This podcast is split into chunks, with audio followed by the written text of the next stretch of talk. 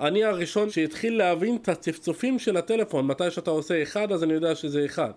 את ה-DTMFים. אתה, אתה עדיין יכול לעשות את זה היום? עדיין יכול לעשות את זה. כן? כן. אפשר לעשות ניסיון? כן. אוקיי. אפשר לעשות ניסיון. אפס, חמש, ארבע, שמונה, שש, חמש, חמש, שלוש, סולמית. סולמית אתה יודע? אני בשוק. אני אגיד לך מה, אני כאילו קראתי בכתב אישום, הביאו מכשיר, קוראים לו digit analyzer, רק בשביל לגלות את כל המספרים, ולא הצליחו עם המכשיר. כן. אתה יותר טוב מהמכשיר. אתה רואה? תודה שפניתם אלינו. נא להקיש קוד סודי בן 14. תודה שפניתם... ב-2001 התנהל בישראל משפט פשעי המחשב הגדול והמורכב שהתנהל פה עד היום. לקבלת שירות בשפה. אחרי חקירה ארוכה, האזנות סתר, עשרות חוקרים ומומחים שהביאו מחו"ל, אחרי כתב אישום שמתאר התחזות לעובדי מדינה, פריצה, גניבה, הונאות כרטיסי אשראי, קשירת קשר לביצוע פשע, סחיטה באיומים, נא להקיש את מספר הזהות כולל ספרת ביקורת ולסיום סולמית. אנא המתן. אחרי שיותר מ-200 איש נתנו עדות ומעל 4,000 עמודי פרוטוקול תויקו, מגיע לבסוף יום גזר הדין. אנחנו בבית המשפט המחוזי בתל אביב. באולם יושבים המון אנשים רציניים בחליפות יקרות. יש שם נציגים מבזק, פלאפון, סלקום, ברק, דיסקונט, משרד התחבורה, השב"כ, המוסד וצה"ל. הם הקורבנות במשפט הזה. השופטת, סביונה רוטלוי, מקריאה את הכרעת הדין, אבל כל המבטים באולם מתמקדים דווקא בשלושה בחורים צעירים שיושבים על ספסל הנאשמים. מוזהר, מונדר ושאדי בדיר יודעים שהם במרכז תשומת הלב של המון אנשים חשובים כרגע. הם שומעים את ההמולה, עיתונאים ומצלמות מחוץ לאולם. הם יודעים שהאשמות חמורות, שהתביעה ביקשה עונש דו-ספרתי, הם יודעים שהם כנראה בדרך לכלא. אבל עכשיו, כשעוברים על התמונות שלהם מהרגע הזה, קשה שלא לשים לב לאיזה שמץ של חיוך על הפנים שלהם. דווקא עכשיו, מול כל החליפות והמתח והרעש והבלגן ותשומת הלב, איזה חצי חיוך שבעצם אומר, תכלס, לא רע בשביל שלושה ילדים עיוורים מכפר קאסם. אהלן אהלן, אני מישי הרמן וברוכים הבאים לעוד פרק של סיפור ישראלי. בכל פרק, אתם כבר יודעים, יש לנו נושא וכמה סיפורים שקשורים אליו, מכל מיני כיוונים. אבל הפעם, כל הפרק כולו מוקדש לסיפור אחד. סיפור של שלושה אחים עיוורים, שיחות טלפון באמצע הלילה, חקירה משטרתית מסועפת וקורבן אחד מרכזי. המרכזייה של גלי צה"ל. את הסיפור מביא לנו אדם ביזנסקי והפיק איתו יוחאי מיטל. מחלף? מחלף? מחלף? כמה פעמים נסעת על המחלף והמשכת הלאה? מלא פעמים. כמה פעמים ירדת לכפר קאסם? אף פעם. אנחנו עוקבים כרגע אחרי מרצדס שחורה אל תוך כפר קאסם ליד פתח תקווה. במרצדס נוהג חבר של האחים. הוא מוביל אותנו לבית של משפחת בדיר. אתה שם לב שאנשים אומרים להם שלום פה בדרך? לא, לא שמתי לב. כן, אבל זה שניים, שלושה אנשים. החלק הראשון של הסיפור שלנו מתחיל הרבה לפני המשפט, עדיין אי אפשר ממש לדבר על האחים הנאשמים, כי הם לא נולדו עדיין. אנחנו באמצע שנות ה-70, והגורל של האחים, של כל המעורבים בסיפור, מונח על הכתפיים של טינג'רית אחת, בת 15, אני בדיר חלימה רושדי, מכפר קאסם. אימא שלהם. אני התחתנתי בד 15. מהרגע הראשון החיים לא לגמרי מרגישים לה כמו ספר פתוח. היא מספרת שבגיל 15 היא אפילו לא ידעה מה עושים בלילה הראשון אחרי החתונה. לא ידעתי, היה לנו הבטחה. וככה, תשעה חודשים אחר כך, מגיע אשרף, אשרף. הילד הבכור. ואחר כך אה, בא מוזהר. חלימה עדיין לא בת 20 כשהיא יולדת את מוזר. בעלה מוצא עבודה, המשפחה עוברת לדירת חדר קטנה משלהם, נראה שבסך הכל החיים עולים על מסלול חיובי. אבל משהו מנקר בחלימה, איזשהו חשש שהולך ותופס צורה. משהו לא לגמרי בסדר עם התינוק. כשיצאתי בשמש היה כל הזמן מסתכל בשמש. משהו בתקשורת עם מוזר שונה, משהו במשא ומתן החברתי מרגיש שחר. הייתי מביאה לו בקבוק חלב. הוא לא רואה, הוא לא מסתכל, רק אה, פותח את הפה. חלימה הולכת לכל הבדיקות, אבל אף אחד לא מגלה משהו חשוד. שישה חודשים אחרי הלידה היא מחליטה להתעקש. אה, תקחי אותו לבית חולים. והלכתי. ושם לי. הדת האסלאמית אפילו, וכל הדתות אה, מזהירה תמיד אה, להרחיק את ה... זה מוזר, הוא גם יושב איתנו כרגע. לא, אבל בגלל העוני, בגלל המגזר הערבי שבאותה תקופה היה מחתן אה, על שמאל ועל ימין, קרה שאבא ואמא הם בני דודים. חתנו בני דודים. מוזר עיוור. העולם קורס מסביב לחלימה, אבל אין לה אפילו זמן לעכל את הבשורה או להתמודד עם ההשלכות. כרגע, כל החששות שלה מופנים רק לכיוון אחד. כבר אני הייתי בהיריון במונדר. ילד נוסף בדרך. ואם זה פגם גנטי, מה יהיה אם גם הוא ייוולד עיוור? חלימה מנסה לא לחשוב על זה. מונדר נולד. הכל טוב, כולם נושמים לרווחה. אבל חלימה כבר קשובה יותר. היא לא באמת צריכה לחכות לרופא שיגיד. ככה אני מביאה צעצוע, עושה לו ככה, הוא לא מסתכל. אמרתי זהו, כמו אח שלו. שני ילדים עיוורים. איזה מסכנה, או, לך תדע מה עשתה בחיים שלה שקיבלה את הילדים האלה. זה מונדר, אח של מוזר, הבן העיוור השני. ראיינתי אותו בטלפון לפני כמה שנים, קצת אחרי ששמעתי על הסיפור בפעם הראשונה. הרי החברה הערבית, אה, יש להם מין אמונה אה, לא- לא דתית כזאת, אה, מיסטית, שאומרת שאימא שמקבלת ילדים עיוורים, אז היא עשתה משהו, ולא העניש אותה בזה שהיא הביא לה ילדים עיוורים. הדמיון הקולקטיבי של הכפר משתולל, מלהיט את הרוחות. ועם הרוחות מגיעות גם שמועות מכוערות. בוכה, בוכה, בוכה, בוכה. ברחוב, כולם מסתכלים, יא חרם, יא חרם. עכשיו כל קפיצה למכולת נהפכת למסלול מכשולים חברתי. חלימה כבר מתביישת לצאת מהבית, היא אפילו מתחילה להאמין שהיא באמת הביאה את זה על עצמה. כשאני רואה את האנשים מסתכלים עליי, שיש לי משהו זר. הכאב שלי לבד, בבית. אבל כשאני יוצאת, אני כאילו לא שמה לב. כאילו רגיל. אנשים היו פוגשים אותנו ברחוב ואומרים לך, אינשאללה בעזרת השם תתחיל לראות. זה מתוך טיפשות וגם מתוך ייאוש. אז אני מאמין על הדברים האלה, גם הוא אומר לי אלוהים יתחיל לראות את זה, יכול להיות שכן יתחיל לראות. היינו הולכים כל שנה לקופת חולים, חלימה נתלית בבדיקות בבית החולים כמו שאדם תובע נתלה בגלגל הצלה. הדסה, עין כרם, לשניידר, לבית חולים. אמא שלי, למרות שהיא מאמינה שאנחנו עיוורים והיא את כל הזמן שלה, והיא הייתה מאמינה, יכול להיות שיגלו הרופאים אה, זה. יהיה תרופה. ואז הגענו פעם לאיזושהי בדיקה שנתית, אתה יודע, שמים לך טיפות ששמים לאנשים רגילים על מנת להגדיל את העין. באותה משמרת היה פרופסור אחד. הוא אמר את זה לאמא, אמר לה, תקשיבי, אני רואה שאת באה כל שנה. אם את חושבת, יבוא היום, והילדים שלך יתחילו להיות רואים, אז את טועה. אז מפה אני רוצה שהם יבינו את זה, ואת תביני את זה. אמרו לי, זהו, לא רואים בכלל. העברים יהיו ויישארו. אבל דווקא מתוך משהו בפירוש רגע השפל של חלימה בסיפור הזה, היא פתאום זוכה באיזושהי צלילות דעת. תשמעו, זה מה שהבאתי, זה מה שיש, הילדים שלי. ואני אספסף על כל הנשים. מהרגע הזה קורה משהו מדהים. זה מתחיל כבר בבוקר אחר כך. חלימה פונה למוזר, תלך לקנות עגבניות, תלך לבד. ומוזר כזה, סבבה, אני כבר... לא, רגע, מה? אני הייתי- הייתי חוששת שיקרה לו משהו, אבל אה, צריך שכל אחד יהיה עצמאי. ילמד אה, איך ללכת ואיך לבוא. תקשיב, השביל הזה ארוך, ואין בו מכשולים. אתה יכול ללכת לבד, תעזוב את היד שלי. נותנת לנו להתרחק ממנה קצת, יעני, להרגיש את הדברים, להרגיש שאתה יכול לסמוך על עצמך. מה תעשה מחר באוניברסיטה? תתחיל לישון, תתחיל... אתה יודע, מה, מה האוניברסיטה? נתנה לנו להתלהב מדברים ולאתגרים שנחכה להם בעתיד.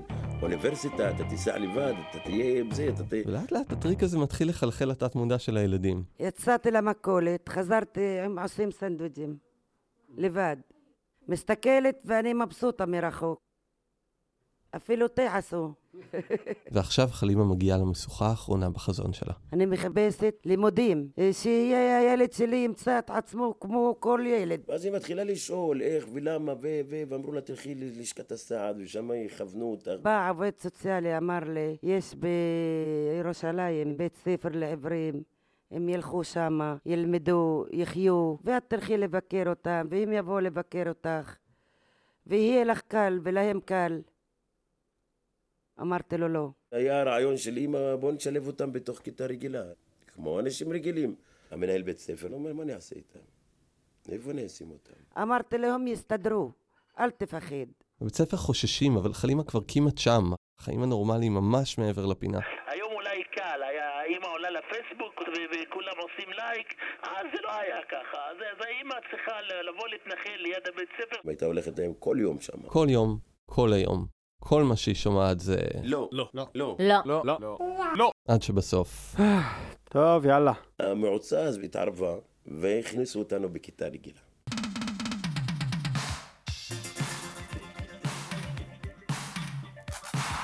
מצעד הפזמונים הלועזיים השנתי של גלי צה"ל לסיכום 1984. חלימה מצליחה לפתוח לילדים שלה ולעצמה צוהר לחיים נורמליים, אבל היא יכולה רק להראות להם את הדרך. הם אלה שיצטרכו לצעוד בה. הימים חולפים, שדי, אח נוסף, גם הוא עיוור, מצטרף למשפחה. הנה שדי הגיע. שדי! אתם רוצים לראיין אותו היום או זה? מוזהר ומונדר מתחילים את כיתה א' ביחד, חברת בזק מוקמת. השנה היא 1984. כבר ביום הראשון של מוזר ומונדר בבית ספר, התוכנית שלהם להשתלב מתנגשת חזיתית במציאות. בהתחלה, איזה, שמו אותם ילדים לידינו, ברחו. מורה מנסה לסדר את הכיתה ושם אותך ליד ילד, ולמחרת אבא שלו בא, ולמה אתם שמים את הבן שלי ליד העיוור הזה? הוא מפחד שידביק אותו וגם הבן שלו יהיה עיוור. אבל הבעיה הגדולה באמת מבחינת האחים, היא שהרתיעה מהם מתחילה עם הזמן לתפוס גוון אקטיבי יותר. אה, ל- להרביץ לך ולברוח, אה, להגיד לך שמאלה שמאלה עד שאתה נתקע בקיר, זה שדי, הצעיר בשלישיית האחים מעברים. לקחת לך דברים, לשים לך מכשולים ממולך. קלאסי. קלאסי. מספיק מה היה מעליב, אה, שמתי שמסתיים הבית ספר, כל הילדים יוצאים מהבית ספר, הם מגיעים למצב שאנחנו לבד. ולמורים אה, היו חסרים עונים מול הזה. זה, תשמע, אפשר להבין אותם, הילדים, אה, פעם ראשונה שהם רואים אה, עיוורים ודברים כאלה. ועברים בכפר קאסם של שנות ה-80 מזמנים תמונה מאוד ספציפית לדמיון. מקבצי נדבות בכניסות של מסגדים, או קוראי קוראן בניחום אבלים. שם משקפיים שחורים ומקל, לא מקל בשביל שיעזור לו ללכת, אלא מקל בשביל שיצביע על uh, עומק הבעיה הנפשית שלו. מחתנים אותו עם אה, בחורה נכה, ומת. עושה ילדים ומת. אם הייתם מגיעים להפסקה בבית ספר אל-שמנה, רוב הסיכויים שהייתם נתקלים בתמונה כזאת. מאחורי עדר ילדים שמשחקים כדורגל בפינה שקטה של החצר, עומדים לבדם שני ילדים צנומים, בני שש ושבע, דנים בכובד ראש בעתיד החברתי שלהם. למוזר ומונדר, יש תוכנית. אנחנו גדלנו עם ילדים שהם שיחקו כדורגל, שהם עשו, שהם, שהם כל הדברים הללו, אז זה מה שרצינו, אנחנו בתכלס רצינו יחס כמו רגילים. ללכת כמו כולם, לנסות ללמוד כמו כולם. אמא שלי רצתה שאוטו ייקח אותנו מבית ספר ויחזיר אותנו. בהתחלה רצינו, אבל אחר כך סירבנו. למה הרגשנו שהאוטו הזה מבודד אותנו? ראינו שהמסלול מהבית לבית ספר זה מסלול קל, אנחנו יכולים ללמוד אותו. ואז פיתחנו לעצמנו שיטת הליכה, מתי שהקיר המחוספס נגמר, אז צריך לקחת ימינה. האחים גם עושים מאמץ להשתלב יותר בכיתה. מוזר, היה לו את הכישרון לחקות כל מיני מורים. ממש. והילדים צוחקים, לאט לאט המורים מתלהבים. כמה רגעים אפילו נראה שהמאמצים האלה משתלמים. והחברה נתנה צ'אנס ליום, יומיים, שלושה ימים, ואתה חוזר עוד פעם להיות העיוור הנטל על החברה. הלכנו למסגד, אני ואח שלי, כוחות עצמנו. יושבים, אני ומונדר, המסגד מתמלא, זה תפילת שישי. בא מישהו, אומר לי, בוא, בוא, בוא, פותח את הדלת, זה מין חצר אחורית של המסגד. בחורף, אפילו לא מכוסית בגג, לא כלום, והיה יום חורפי, כמו חייזרים, אחי, זרק אותנו החוצה וסגר את הדלת, נתן את המקומות שלנו, אנשים ערבים. אבל הוא לא רואה אותך, כן. הוא לא רואה אותך. לא משנה כמה הם יתאמצו, כמה הם יתגמשו, הם תמיד יהיו חריגים. אף פעם לא שווים בין שווים.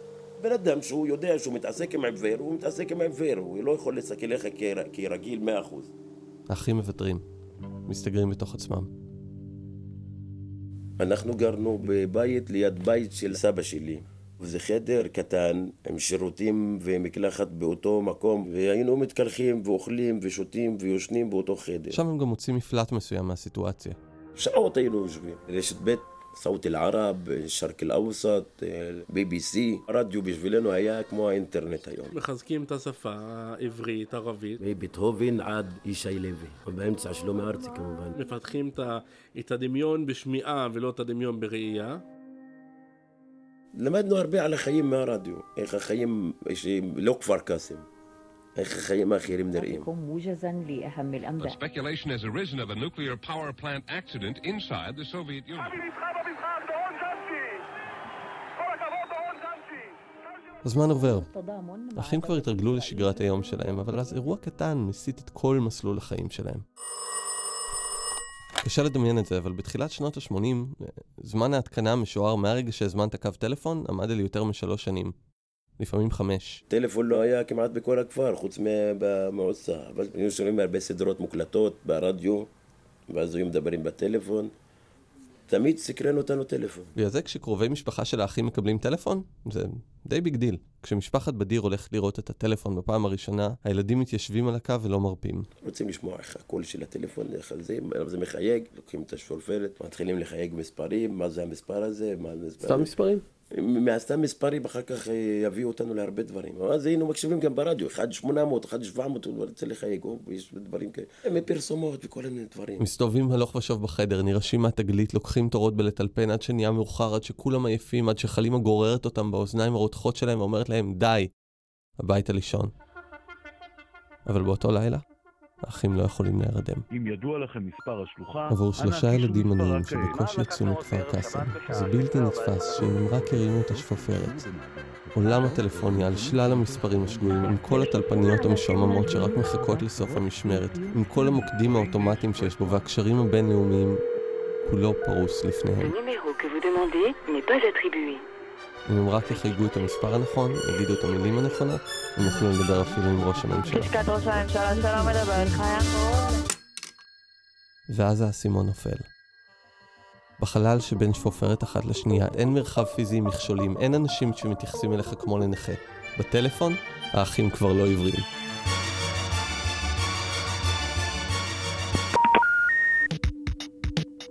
בבוקר הילדים מתעוררים שונים.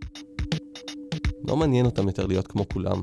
הם מצאו ייעוד אחר. אנחנו רוצים להגיע למצב שאנשים יגידו לנו, הלוואי שאנחנו עיוורים ויש לנו את היכולת כמוכם. משנה לשנה, משיחה לשיחה, הזמן חולף. הילדים מתבגרים, והנוכחות של הטלפון בחיים שלהם רק הולכת וגדלה.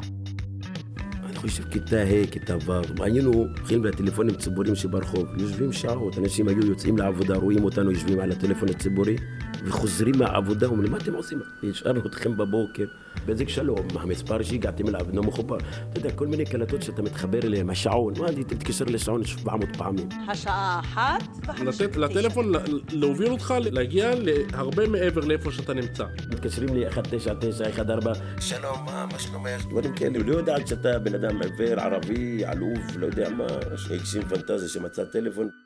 עד עכשיו התלות של האחים בטלפונים ציבוריים הגבילה אותם ליום עבודה של 12 שעות. אבל בעיד אל אדחא, שנת 91, החסם הזה מוסר. אז התקנו טלפון בו בבית. מכאן ואילך הקו תפוס 24/7, יום ולילה. ולשיחות שקורות בלילה, יש אופי שונה מאוד מהשיחות של היום.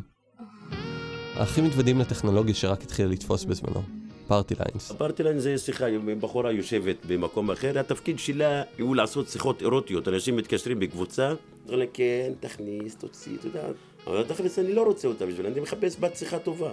אה, העולם במלואו שם היה, בלי להגיד להם שאני עיוור. היה קשר עם בחורה במרכזייה בבזק שנים. רק ידעה מי אני מתי שהיה ב-14 לשישי, ואז נפל לה האסימון. 14 לשישי זה כשעצרו אתכם? כן. דיברת איתה מאז? פעם אחת אני חושב, היא לא רצתה לדבר. וואו. כן. כשאתה יושב מול אה, איזה טלפנית או איזה מוקד, אתה מדבר אליו והוא שומע אותך למה שאתה מדבר ולא למי אתה. שעות של שיחות טלפוניות הופכות את האחים לאשפי שיחה. הם יודעים מה לומר למי ומתי, הם יודעים לזהות פקפוק ולבטל אותו, לעורר אמפתיה בפקודה. הם יודעים לזהות עם מי הם מדברים ולהתאים את האישיות שלהם אליו. שלושה אחים עבריים מכפר קאסם שמבלים את רוב הימים שלהם בחדר סגור, נהיים ה smooth talkers הכי חלקלקים במזרח התיכון. בגלל זה זה לא באמת מפתיע כשהם מתחילים לשים לב למשהו בטלפון שאנשים מסביבם לא שמים לב אליו.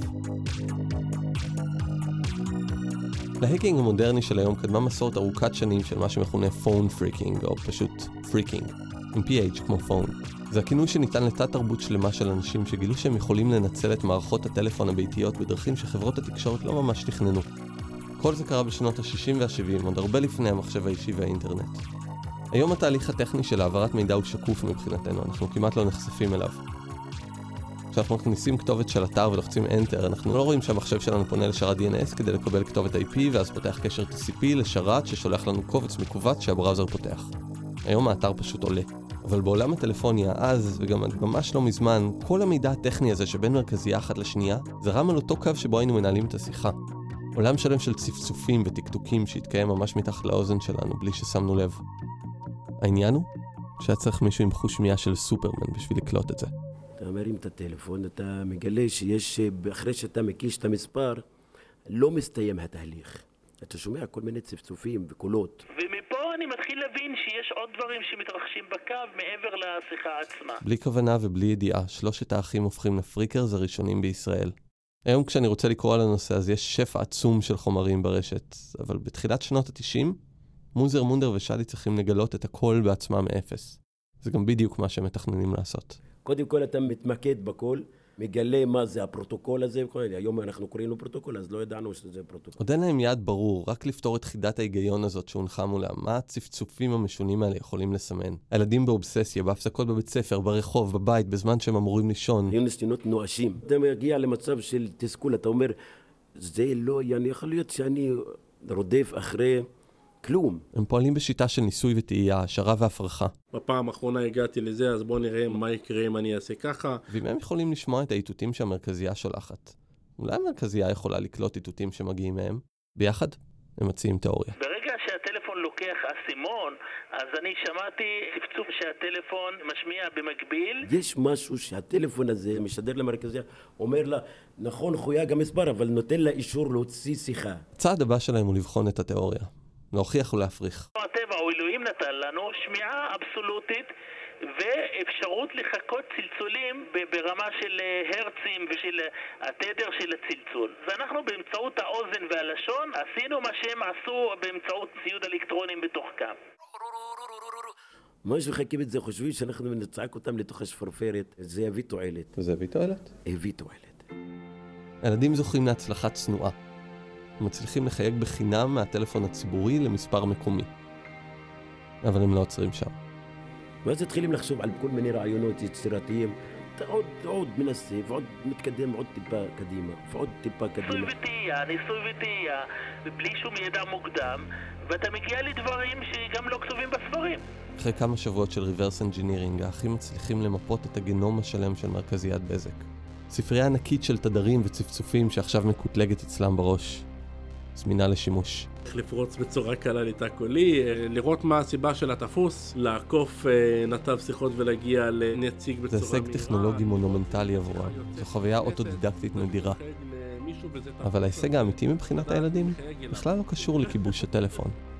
אלא לאיזשהו צורך עמוק יותר שהתלפף ונשזר ב-DNA שלהם מאז שהם זוכרים את עצמם. הישגים חברתיים. אז לא היה אינטרנט, לא היה פייסבוק, לא היה כלום.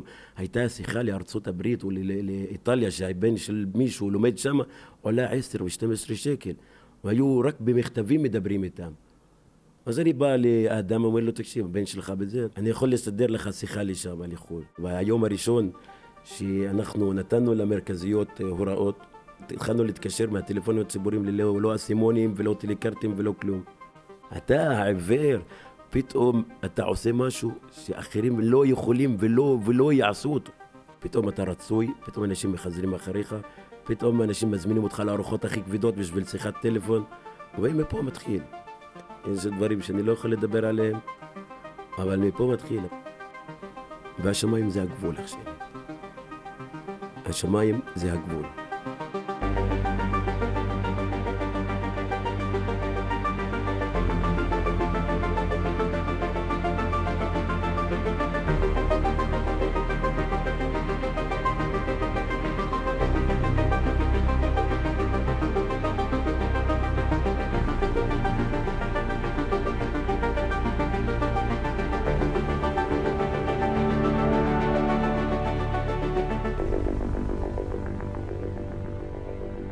אתם מצטרפים אלינו עכשיו ופספסתם חלקים בסאגה של האחים בדיר, אל תדאגו, יש פתרון מאוד פשוט. כנסו לאתר שלנו, israelstory.org, ושם תמצאו את כל הפרק, וכמו תמיד עוד כל מיני אקסטרות ואפילו כמה אאוטטייקים מרגשים. ועל הדרך תנו לנו איזה לייק בפייסבוק תחת השם סיפור ישראלי. האהבה הפייסבוקית הזאת היא הדרך המרכזית שלנו להגיע לאוזניים חדשות. אוקיי, בואו נחזור לסיפור. אנחנו בדיוק מגיעים לפאתי שכונת מגורים שקטה בראשון לציון. הורים מקריאים לילדים שלהם סיפור אחד אחרון, ודי.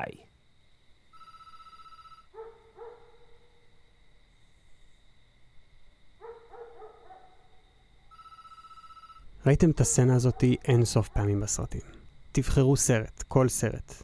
תריצו לשני שליש מהאורך, חכו דקה. כמעט תמיד יהיה טלפון.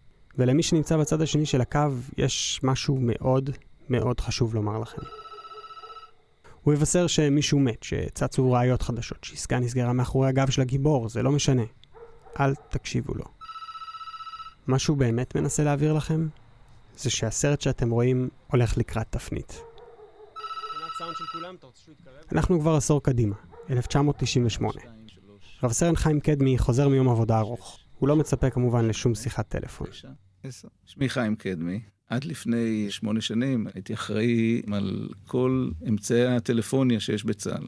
ומה שקרה זה שתשע בערב אני כבר בבית, מתקשרים אליי מהמב"א שלנו, מב"א זה מרכז בקרה ארצי, ואומר לי הבחור מהמב"א, תשמע, יש לי פה את הקב"ט של 013 של ברק, על טלפון השני, הוא רוצה לדבר עם מישהו, יש לו איזה משהו מוזר. אז שוחחנו, ואז אומר לי הקב"ט של ברק, תשמע, אני, יש לי איזו תופעה מוזרה. אנחנו מחייגים לאיזה מספר אזרחי תמים, ומקבלים קו שיוצא לחוץ לארץ. ומצד שני, אני גם רואה שיש עכשיו תנועה חריגה של שיחות למדינות ערב, שיוצאות מאזור חיוג 03512, שזה באזור יפו. ואני לא יודע איך לקשור בין הדברים, אבל זה נראה לי חריג, תבדוק אם לא גונבים לכם שיחות. אמרתי לו, טוב. קודם כל באתי וניסיתי את החיוג הזה, מחייג למספר התמים הזה, זה מספר, מספר רגיל. ואני שם לב שאני מקבל דיילטון, מקבל צליל חיוג. זה נשמע לי כמו, בוא, תחייג הלאה. אז מנסה לחייג, ואני רואה שאני מצליח לחייג.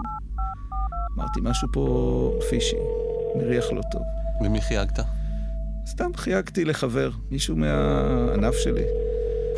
ושאלתי אותו, תגיד לי, מה אתה רואה על, ה... על הטלפון שלך, מה המספר? הוא אומר לי, אני רואה את הקידומת, כאילו, קידומת של גלי צה"ל, כאילו 03512. אמרתי, טוב, נשמע לי מוזר.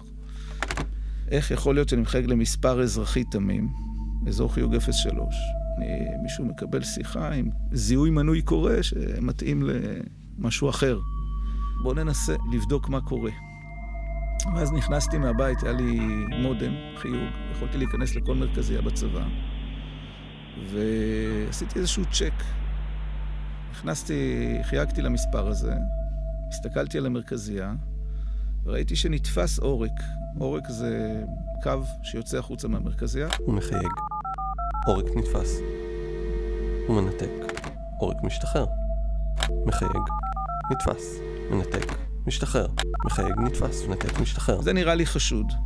אמרתי לבחור הזה מברק, חזרתי אליו, אמרתי לו, תשמע, יכול להיות שיש משהו במה שאתה אומר, אנחנו נבדוק את זה. אה, זה איזשהו, הרגשתי איזושהי פגיעה אישית. מה, מה פתאום מישהו נכנס לי למערכות שלי ומנסה לגנוב ממני? זה איזושהי הרגשה כזאת, אה, פגיעה באגו, אתה יודע. ומאוד מאוד, אה, נקרא לזה, בער בדמי, לדעת מה קורה כאן. הוא מכבה את המחשב והולך לישון. הולך לנסות לישון לפחות. אנחנו נחזור אליו בבוקר. כרגע, נלך לבקר קולגה שלו. חוסר הבנה גורם לך יותר מוטיבציה לאתר מה עומד מאחורי זה. זאת אומרת, זה טיבו של כל חוקר. זה דוד גולדנברג. הוא לא מכיר את חיים אישית, אבל הוא מבין בדיוק על מה הוא מדבר. הוא עצמו לא היה זר לרעיון של טלפונים באמצע הלילה בשנים האחרונות. בשנות ה-90 עבדתי בחברת הבזק, הייתי אה, קב"ט שעסק אה, באיתור הונאות ואבטחת מידע. התפקיד של דוד בבזק הוא למנוע הונאות טלפוניות. הוא טוב בתפקיד שלו, אבל בתקופה האחרונה הוא בקושי מצליח לעמוד בקצב. מישהו לועס ויורק מרכזיות בכל הארץ כאילו היו פיצוחים. שיחות לחו"ל באותן שנים היו די יקרות, ועד כמה שהן היו יקרות, הקוויאר של תעריפי השיחות היה מה שנקרא שירותי PRS. Premium Rate Services, אם זה שירותי הורוסקופ, שירותי ייעוץ, שירותי סקס. מה שקראו לו בארץ 056, מהשיחות הכי יקרות שיש. ופה צצה לה איזושהי אה, הונאה. וזאת ההונאה שמדירה שינה מעיניו של דוד כבר זמן מה. מעט מורכב להסביר אותה לפרטי פרטים, אבל בגדול היא עובדת ככה. חלק א', אתה יוצר קשר עם מישהו שמנהל שירות PRS בחו"ל. כמו לדוגמה סיירה לאונה. הלו? Sir, yes sir. What do you want exactly? אתם מדברים, אתה מגיע איתם להסכם, הם נותנים לך מספר טלפון ייחודי ואומרים, הרווח מכל שיחה שתיכנס למספר הזה מתחלק בינך לבינינו. אחוזים. בחלק מהמקרים באמת היו שירותים כאלה. היית מתקשר לקו שקיבלת ושומע הורוסקופ. רק הייתי עם מזל בלי השנה. אבל ברוב המקרים זה היה שירותי פייק. אין כלום על הקו. עכשיו חלק ב' של העונה. חזרה בארץ אתה מאתר איזושהי מרכזייה פרטית של חברה גדולה, נגיד חברת הביטוח שאתה זוכר את המספר שלה בעל פה מהג'ינגל ברדיו, אתה מתקשר למרכזייה שלהם, פורץ אליה ומתכנת אותה לחייג מאות פעמים במקביל למספר שקיבלת. שיחות ארוכות, מאורהרות. כל מה שיש בהן זה שתיקה על הקו. ואז אתה פשוט הולך ואוסף את האחוזים על השיחות בסיירה ליאון, משאיר את החברה של המרכזייה של הפרסה להסדיר את החוב. The number you have reached has been disconnected. העונה הזאת ובנות המשפחה שלה נמשכות כבר שנתיים בשלב הזה. וזאת לא רק הבעיה של דוד ושל בזק, אלא גם של קווי זהב, פלאפון וכל גופי התקשורת שסופגים הפסדים מהפריצות. הקליקה הביטחונית-תקשורתית הולכת עם ההשערה שלהם למשטרה. דוד מסביר להם. PRS, קומנדים, שיחות שלוחה, חדירה למרכזיות, פור, שיחה מקומית, פייק, חוזים, סיירה לא עונה. במשטרה מסתכלים עליהם כאילו הם נפלו מהירח. אומרים להם שהתיק מורכב מדי, טכני מדי, שהראיות נסיבתיות. הם פותחים בחקירונת שלא מצליחה להתרומם, ושולחים אותם הביתה בידיים ריקות. דוד והחברים מהקליקה התקשורתית-ביטחונית מוצאים את עצמם בסטטוס די עגום. הם בגדול יושבים ומחכים שמשהו יקרה, שיגיע איזשהו אירוע שיטרוף את הקלפים. אבל מה זה יכול להיות? חזרה לחיים קדמי. קם בבוקר אחרי לילה של שינה תרופה, שוטף פנים, מגיע לעבודה. הוא אוסף אליו את כל הקצינים שמתחתיו בענף, וביחד הם נועלים את עצמם בחדר עד שהם הצליחו לפתור את התעלומה. עוד לא הבנו בדיוק איך זה עובד. אמרנו, אוקיי, קודם כל ברור שזה משהו שקשור למרכזייה הזאת של גלי צה"ל. גילינו שעל המספר האזרחי התמים הזה, זה מופעל תכונה של עקוב אחריי. ועקוב אחריי הוא עקוב אחריי למספר מסוים, מספר מסוים מאוד, במרכזייה אצלנו בגלי צה"ל. כשאתה מחייג אה, במטכ"לי, אתה רוצה לצאת החוצה, אתה מחייג שמונה? כן. אז שם היה מספר אחר, עם קוד מסוים. אתה מחייג למספר הזה, היית מקבל קו חוץ. בדיוק כמו שלוחצים על תשע בשביל לקבל קו חוץ במלון או בקיבוץ. זו תכונה שקוראים לה דיזה. דיזה, זה ראשי תיבות? כן. אבל מישהו כנראה הגדיר גם איזושהי ספרייה כזאת, ובעצם אפשר לעצמו, כל פעם שהוא מחייג למספר הזה, לקבל קו חוץ. וברגע שניטרלנו את זה, התחלנו להרגיש טוב שאוקיי, עלינו על העניין. ואז כולם צוחקים בהקלה. ואז לאט לאט הצחוק דועך. ואז החדר משתתק. ואז מישהו שואל בשקט, רגע, אם עד עכשיו למספר היה עקוב אחריי לגל"צ, ועכשיו ביטלנו את העקוב אחריי, לאן המספר הזה מוביל עכשיו? ואז כשחייגנו למספר האזרחי התמים הזה, ענו לנו בערבית. וזה היה מאוד מלחיץ, כאילו, אתה מחייג לאיזה מספר בתל אביב, עונים לך אנשים בערבית, ושואלים אותך מי זה, מה זה. וזה הרגע שבאתי ואמרתי, טוב, זה הזמן לעשות אסקלציה. פניתי למפקד היחידה, שהיה המפקד הישיר שלי. אמרתי לו, תשמע, יש פה משהו מוזר. ואז הוא אמר, רגע, בוא, בוא נראה את מי אנחנו מערבים. אז קודם כל הוא הרים טלפון למפקד מצ"ח, משטרה צבאית. אחר כך הרימו טלפון לשב"כ. ואז לאט לאט התגלגל הסיפור ליח"א, שזו היחידה הארצית לחקירות הונאה. חיים מגיע לבת ים ונכנס לישיבת צמרת במשטרה. מסביב לשולחן כבר יושבים נציגי מצ"ח, השב"כ ולא מעט שוטרים. גם חברי הקליקה הביטחונית-תקשורתית שכבר הכרנו נמצאים שם, נציגי ברק, קווי זהב, בזק בינלאומי. אבל חברי הקליקה מחייכים אחד לשני. הם מבינים את גודל המעמד. זה האירוע שהם חיכו לו. באחת השיחות שניהלתי, מישהו מהקליקה כינה את הפריצה הזאת לגלי צה"ל מתנה. החשבון שלהם הוא כזה, אתה יכול לפרוץ פחות או יותר לאיזה מרכזייה פרטית בארץ שאתה רוצה. תנובה, טבע, פלאפון, לא משנה, לא big deal. אבל ערבים וצה"ל? הקב"טים יוצאים למתקפה משולבת, הם מתמסרים בזכות הדיבור. אחד מסביר למשטרה שכשפורצים למרכזייה בגלי צה"ל, אפשר תאורטית להאזין לכל הבכירים בצה"ל. אחד רומז שאם המשטרה לא תפתח בחקירה רצינית הפעם, יש מצב שהסיפור ידלוף לעיתונות. ולסיום, הם גם מציעים דיל להמתיק את הגלולה. חברות התקשורת עצמן מציעות לספוג את כל הנזקים מהפריצות שהתרחשו במהלך החקירה הסמויה, כדי לאפשר למשטרה לעבוד עם פחות לחץ תקציבי. במשטרה עדיין מהססים, אפשר גם להבין למה, כמו שמסביר ראש מחלקת חקירות ביח"א באותו זמן, עורך דין בועז גוטמן. אתה צריך לזכור שאנחנו מדברים על תקופה שבה מבחוץ נכנס לכלא על עבירות מחשב. המשטרה והתביעה לא הצליחה להכניס אף אחד לכלא. אף אחד! במשטרה מבקשים ללכת כמה צעדים אחורה. רגע, רגע, תסבירו לנו מה קורה, איך קורה, והם לא, לא היה להם הבנה גדולה בטלפוניה ובכלל בטכנולוגיה. אז חיים מסביר להם. מספר אזרחי תמים, דיילטון, קו חוץ, עורק, חוץ לארץ, זיהוי מנוי קורא, עקוב אחר, במטכ"לי, שמונה אסקלציה. ניטרלנו את זה, דיזה. כל השוטרים בחדר מסתכלים עליו כאילו הוא נפל מהירח. אבל אז, אחד השוטרים בחדר, חוקר בשם דוד אוסמו, מרים את הראש. רגע, אמרת שניטרלת את זה? חיים עונה לו... כן. אז אוסמו אומר. בוא, בוא, קודם כל בוא נחזיר את זה, לא יחשדו. ועם הרמת הכפפה הזאת בעצם, החקירה נפתחת. הפעם על אמת. נתנו להם להמשיך, והמשכנו לעקוב אחרי הסיפור. את החקירה ניהל צוות של דוד אוסמו, שהוא היה במפלג אחר, לא צוות עבירות מחשב ולא כלום.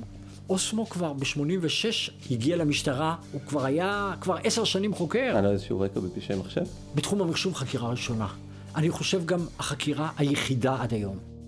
אוסמו צריך ללמוד את החומר תוך כדי תנועה. בימים הבאים הוא מבקר באופן סיסטמטי בכל גופי התקשורת וגובה עדויות. כשהאינפורמציה מתחילה להצטבר הוא מבחין באיזשהו דפוס. בתקופה האחרונה מישהו עשה הרבה מאוד שיחות למוקדי השירות של חברות התקשורת.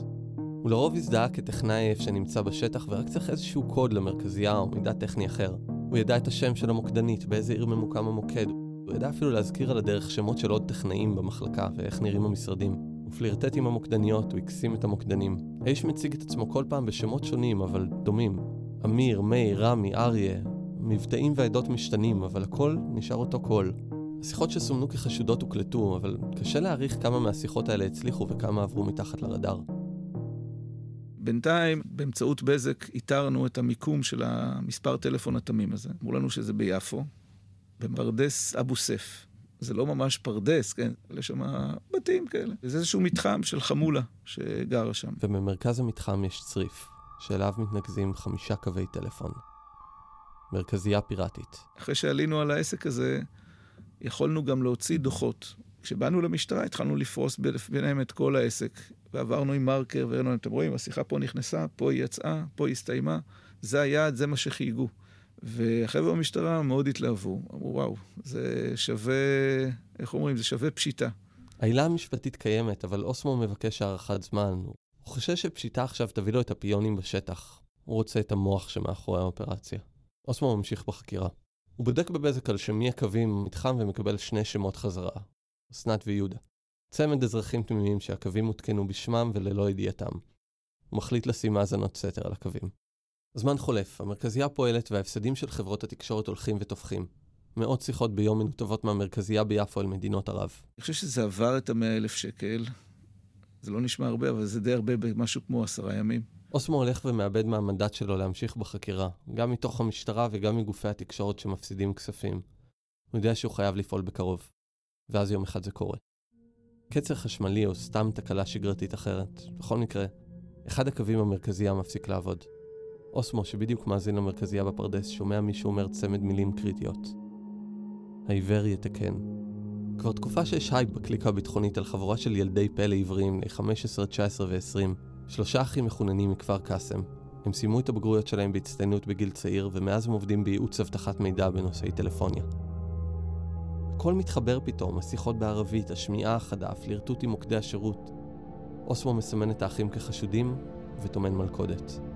תוך כדי שהוא מאזין לטלפונים בפרדס אבו סף ובבית של האחים בכפר קאסם, הוא מבקש מבזק לנתק את אחד הקווים בפרדס. לא הרבה זמן אחר כך, טלפון יוצא מבית משפחת בדיר למוקד 166 של בזק.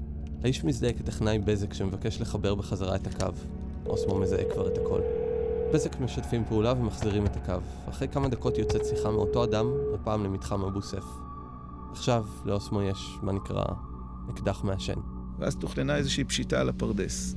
אחרי שבוע נכנסו ועשו את המבצע הזה, ותפסו שם בעצם חבר'ה שהיו ליד הטלפונים, שהיו להם מחברות עם רישומים של שיחות. ככה זה עבד.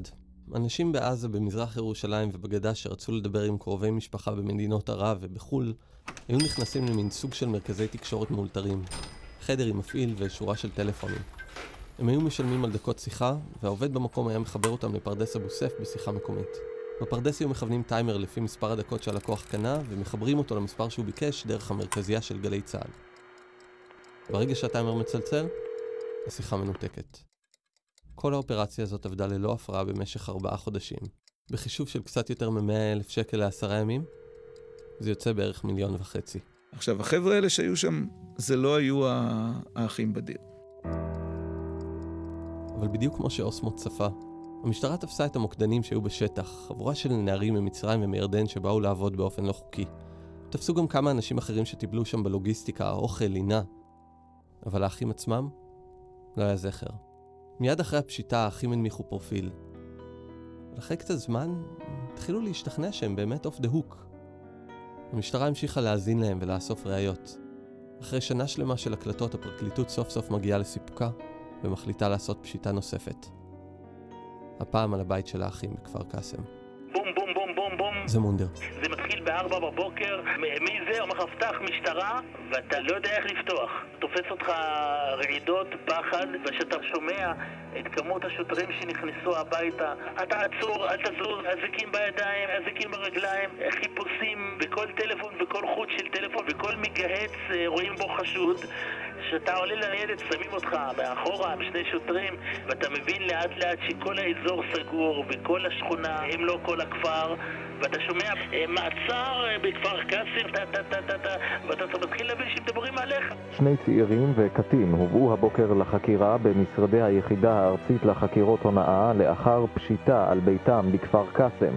הם חשודים בחדירה זה למרכזיות... ערבוב של שתי תחושות ביחד, גם התחושה שפתאום אתה בכלא, שפה אני לא אמור להיות, בוא, בוא נגיד ככה, אני בן אדם חכם שבדרך כלל חכמים צריכים להיות באוניברסיטאות ובבתי ספר, וגם תחושה של ניצחון, שזה כן היה שווה משהו, זה, זה הזיז לי מישהו, זה קרה לי מישהו, זה הקפיץ מקום מסוים.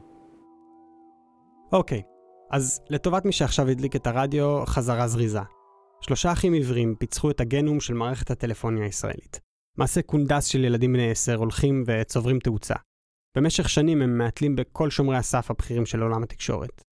אבל המזל שלהם נגמר. האחים נעצרים בחשד לגנבת כרטיסי אשראי, הקמת מרכזייה פיראטית, התחזות ועשרות חשדות אחרים. הם נחקרים וממתינים להגשת כתב האישום. ובינתיים בחוץ, התקשורת משתוללת. רק שנתיים קודם התקשורת סיקרה באופן די אוהד את סיפור הלכידה של אהוד טננבאום, האנלייזר. צעיר בן 19 מרמת השרון שנעצר אחרי שהוא פרץ למחשבי הפנטגון בארצות הברית. כשביבי, ראש הממשלה דאז, נשאל עליו, הוא אמר, damn good, very dangerous too. גם העונש הקל שקיבל האנלייזר בסופו של דבר, שישה חודשי עבודות שירות, סימן את המגמה האוהדת הזאת.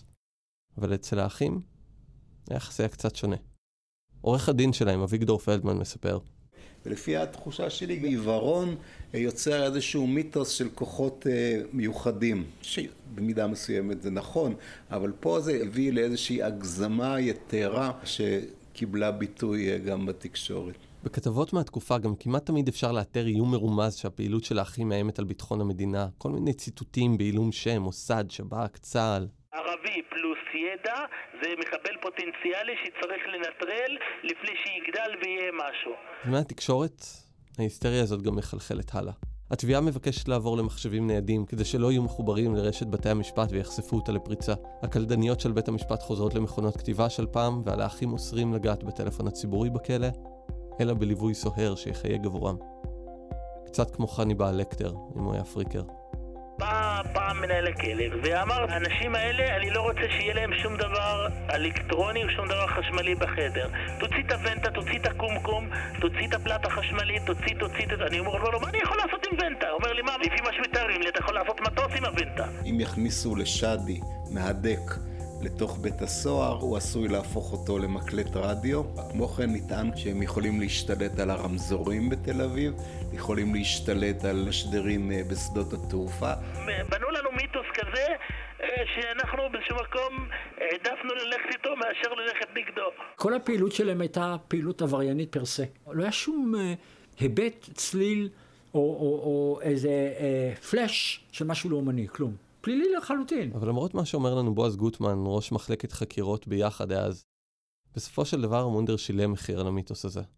גם אחרי ששאדי ומוזר כבר שוחררו למעצר בית, מונדר, שהוגדר המוח של האופרציה, המשיך לשבת במעצר במשך שנתיים רצופות באמתלה של מסוכנות לציבור. פרק זמן מאוד חריג לעבירות הונאה. אחרי שנה של חקירה, כתב האישום הוגש. קרוב ל-50 אישומים שונים. רובם המכריע עבור נאשם מספר 1. מונדר. היה כמו משפט אייכמן, הפרוטוקולים היה 4,000 עמודים.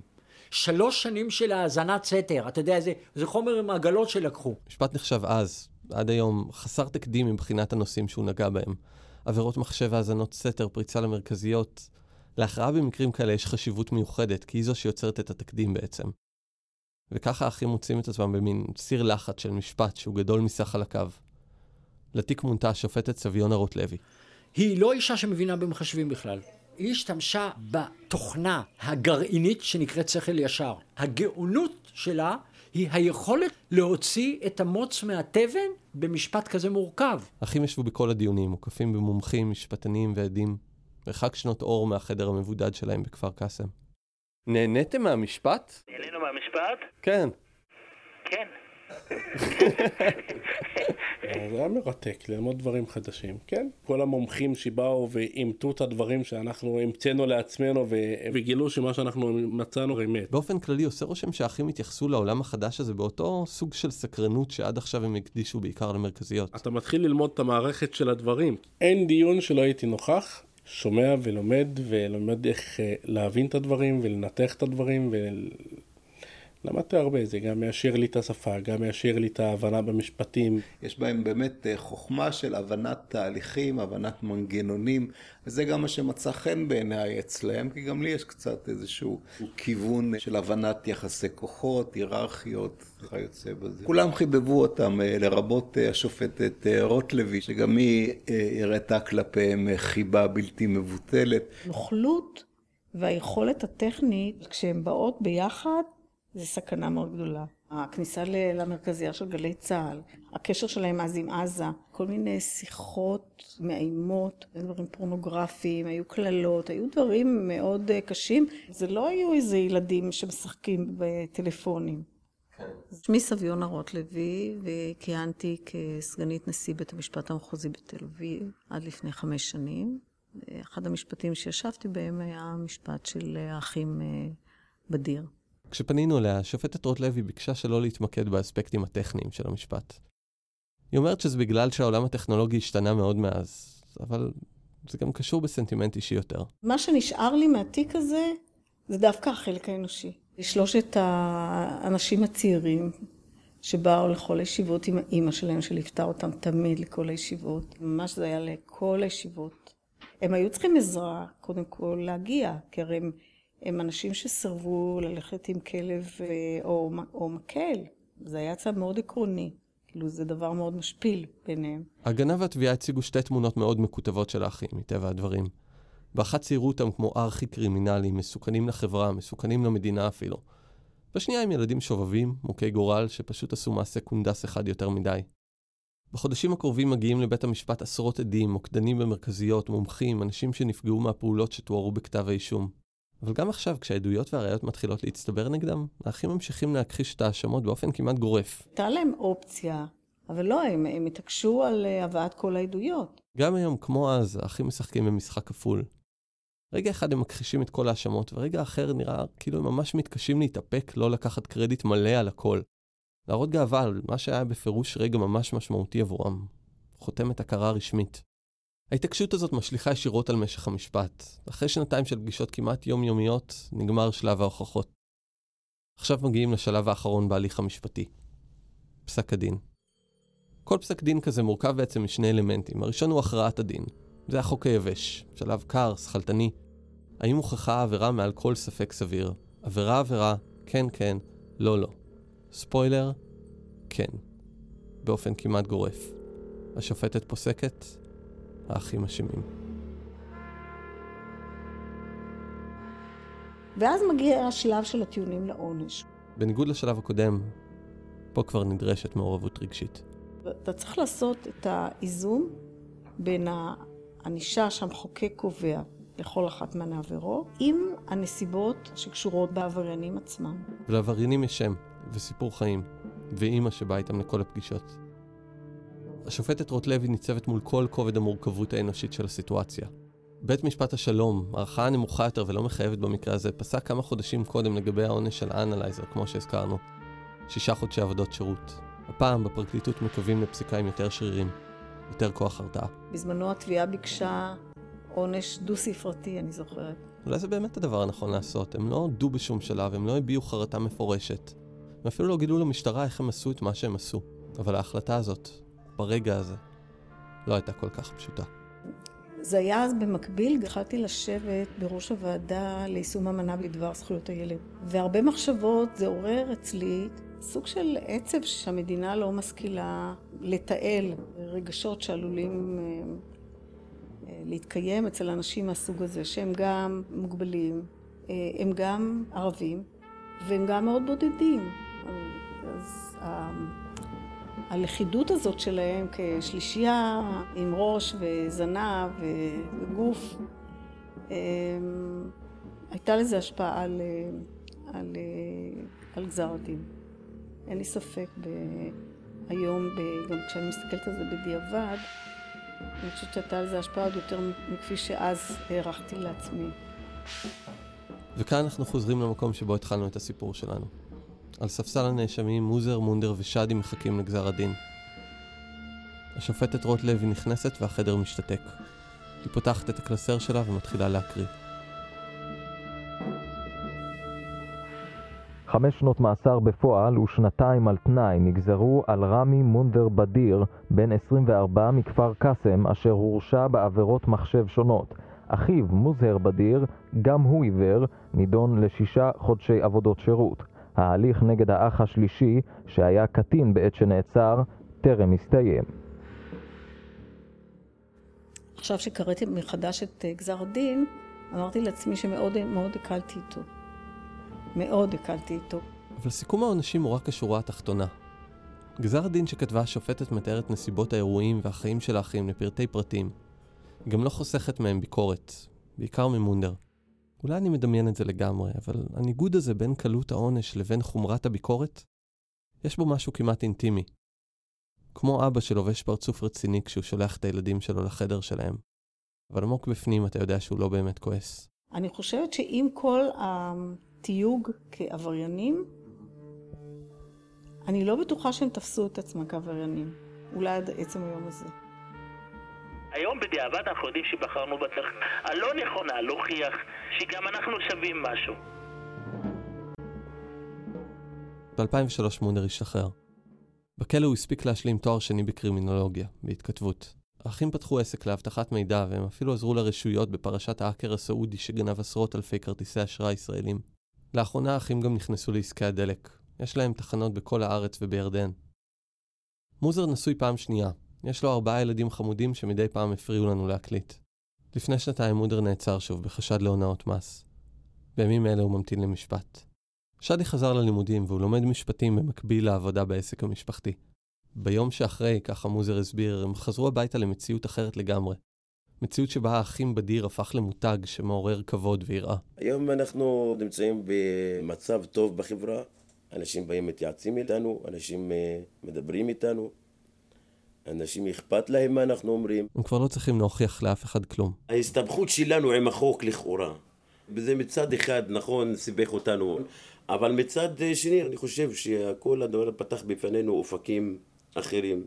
הצד המלא של הכוס, מה שנקרא, כן. כן. חיובי. נעשה הפסקה, אחי, סיגריה וזה. כן, בטח.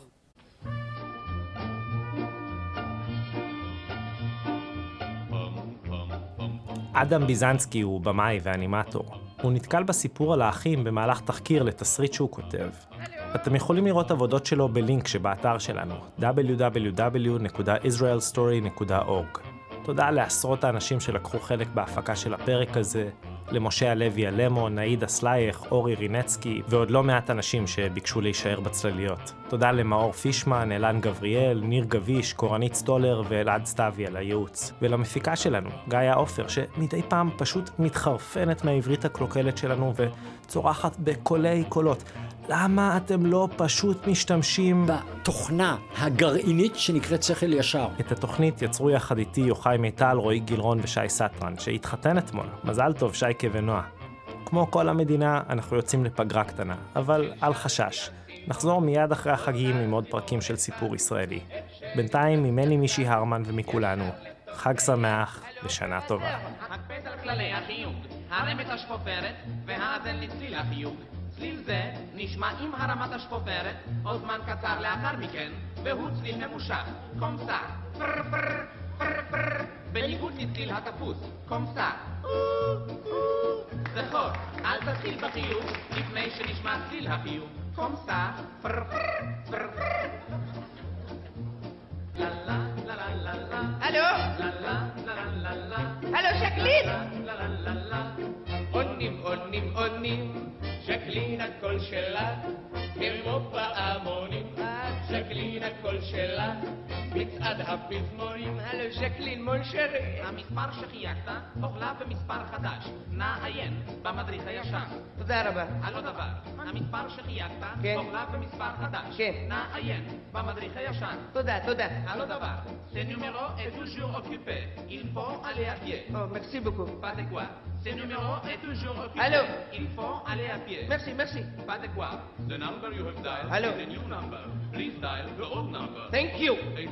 No, no, thank you.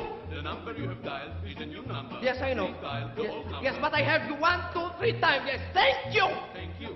L'enumerato telefonato, Uh-huh. parlare appiccicato. Grazie. Prego. L'enumerato Allô telefonato, Allô parlare appiccicato. Grazie. Prego. L'enumerato Uh-huh. telefonato, parlare appiccicato. Maccheroni. Grazie. Prego. L'enumerato telefonato. Jacqueline, je t'aime. Je